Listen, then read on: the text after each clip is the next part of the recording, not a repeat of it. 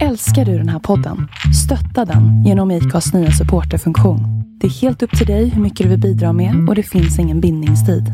Klicka på länken i poddbeskrivningen för att visa din uppskattning och stötta podden. Hiring for your small business? If you're not looking for professionals on LinkedIn, you're looking in the wrong place. That's like looking for your car keys in a fish tank. LinkedIn helps you hire professionals you can't find anywhere else, even those who aren't actively searching for a new job but might be open to the perfect role. In a given month, over 70% of LinkedIn users don't even visit other leading job sites. So start looking in the right place. With LinkedIn, you can hire professionals like a professional. Post your free job on linkedin.com slash people today.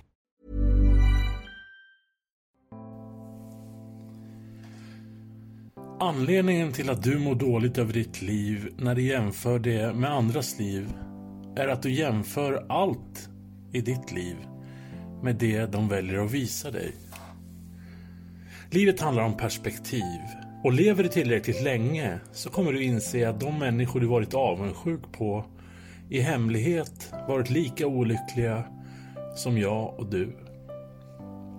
Bättre är ett perspektiv som inte går att mäta. Bättre är inte att skaffa sig den nyaste telefonen eller att se den nyaste filmen för alla andra. Bättre är inte ett sinnestillstånd som låter dig rättfärdiga den känsla som andra lägger på dig. Med andra ord, oavsett om det är bra eller dåligt så låter vi andras omdömen definiera det vi gör och det vi har i våra liv. Bättre är inte alltid bättre. Bättre är spekulativt och subjektivt. Bättre jämfört med vad? Det är klart att det kan bli bättre. Allt vi gör kan bli bättre. Vi är Guds skapelse. Gud är perfekt och distansen mellan Gud och mig som människa är enorm. Och trots att jag vet att jag inte kan bli fulländad så vet jag att det alltid finns utrymme för förbättring.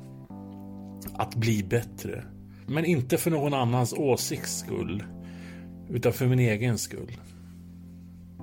Satan försöker intala oss att vi är sämre. Att vi borde vara bättre vid det här laget. Vi borde inte vara lärjungar.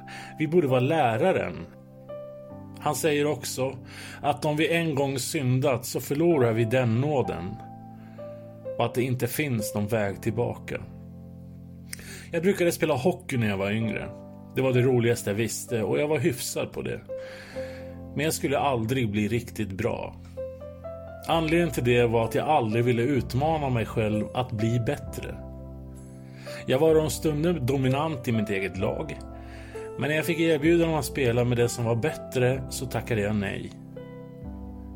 Jag ville inte det, för jag visste att de spelarna skulle vara mycket äldre än mig, bättre och starkare och jag skulle inte längre vara bäst. Jag hade kunnat bli bäst igen, men det skulle kräva att jag gick tillbaka till att träna på de saker jag redan kunde för att bli bättre på det. Men jag ville inte det. Jag var rädd för att andra skulle tycka att jag nog inte var så bra ändå. Jag ville inte det. Hade jag vetat det jag vet idag, att gå tillbaka inte är ett nederlag om syftet är att bli bättre, för min egen skull, så vet jag inte var jag hade varit idag. Att säga att man ska bli bättre är ett helt tomt påstående om man inte tar in ett syfte. Varför vill jag bli bättre? Vad är det som driver mig till att bli bättre? Om syftet är att bli bättre för någon annans skull så kan jag lika gärna låta bli. Jag har haft stunder i min kyrka när jag känt att jag är så mycket sämre än alla andra där. Jag kan inte citera stycken ur Bibeln på måfå. Jag måste studera. Alltså måste jag vara en sämre kristen än alla andra som kan allt det där som jag önskar att jag kunde.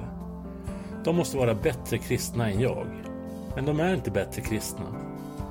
Möjligen har de bättre minne än jag. Ibland måste man resonera med sig själv. Där jag står nu, är jag nöjd där? Mår jag bättre av att stå här eller vill jag någonting annat? Om svaret på frågan är att man är nöjd så är det helt rätt att stå kvar.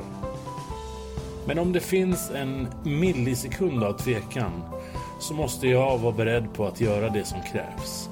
För mig. För andra människor kan det te sig idiotiskt att kasta iväg en till synes gyllene position. Där du står och det du vet. Kanske situationen ser gyllene ut. Men det är bara för att jag har bestämt vad du ska se. Att gå tillbaka är en nödvändighet i all form av utveckling.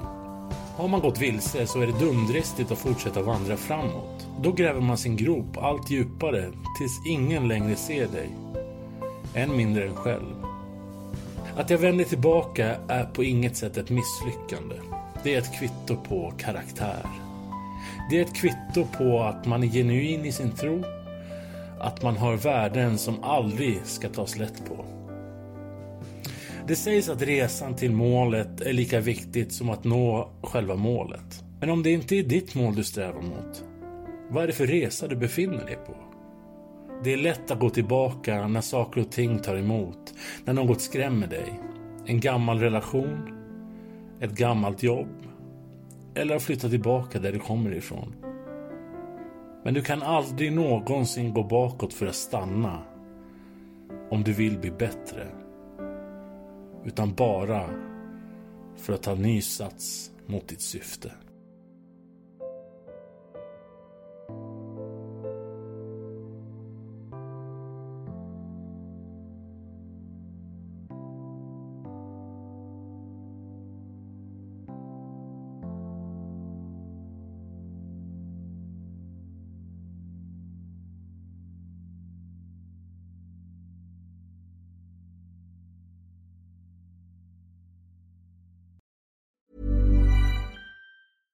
Flexibility is great. That's why there's yoga. Flexibility for your insurance coverage is great too. That's why there's United Healthcare Insurance Plans.